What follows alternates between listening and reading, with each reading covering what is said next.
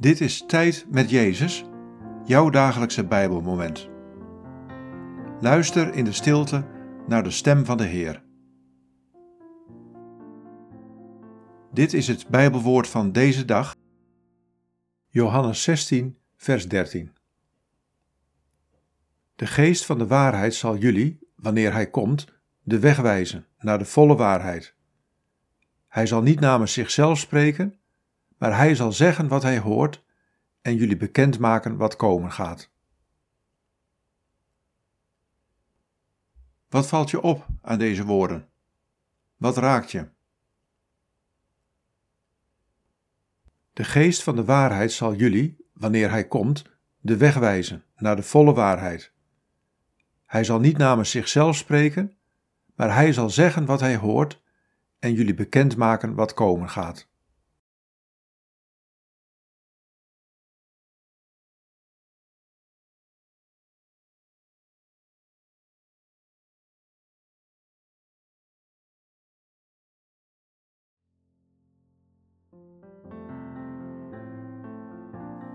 Mijn geest zal jou leiden op de weg van de volle waarheid.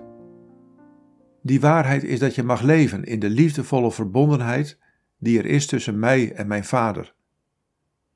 Mijn geest zal jou steeds weer en steeds meer openbaren wat het betekent om in de goddelijke liefde te bewegen, te leven en te zijn.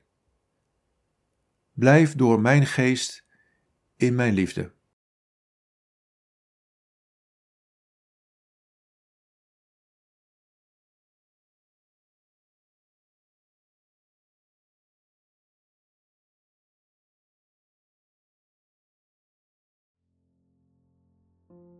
Bid deze woorden en blijf dan nog even stil in de aanwezigheid van Jezus. Jezus, laat me de waarheid van uw liefde ervaren.